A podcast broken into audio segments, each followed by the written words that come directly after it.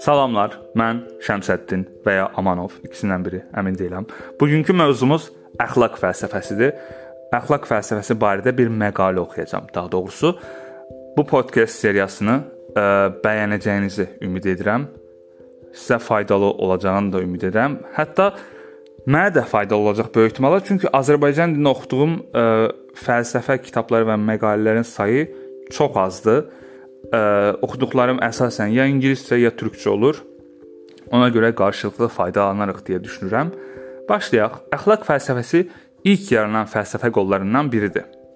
İmmanuel Kantdan bəri fəlsəfi məsələləri bilik və fəaliyyət məsələlərinə ayırmaq və tədqiq etmək bir qayda olmuşdur. Bilik məsələsini ələ alan fəlsəfə idrak nəzəriyyəsidir. Amma insan yalnız bilən bir varlıq deyil, eyni zamanda fəaliyyətdə olan bir varlıqdır.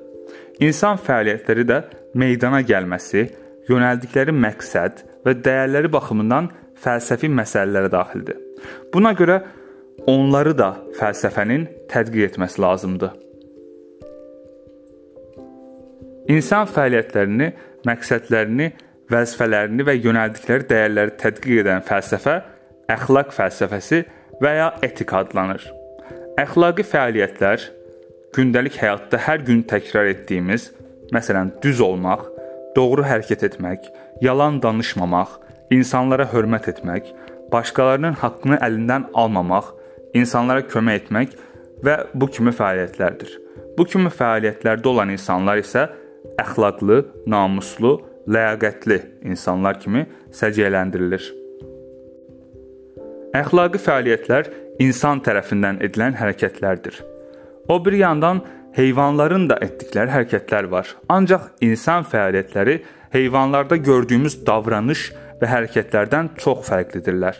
Heyvan davranışları və hərəkətləri təbii meyllərə, instinktlərə və məcburiyyətə söykənir. Məsələn, quşların yuva tikməsi, müəyyən vaxtlarda uçub getməsi, ov tutması, çoxalması və s kimi davranış və hərəkətlər instinktlərlə müəyyən edilən, dəyişməyən, məcburi, mexaniki hərəkətlərdir. İnsanlarda da bu növ instinktiv hərəkətlər olur. Qidalanma, özünü müdafiə və çoxalma kimi. Amma insanın bunlardan başqa azad olaraq etdiyi hərəkətlər də var. Bunları bunlar iradəyə dayanan hərəkətlərdir.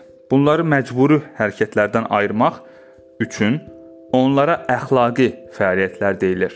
Bunlar istəyərək, şuurlu olaraq etdiyimiz hərəkətlərdir. İradəyə dayandıqları üçün azad hərəkətlərdir.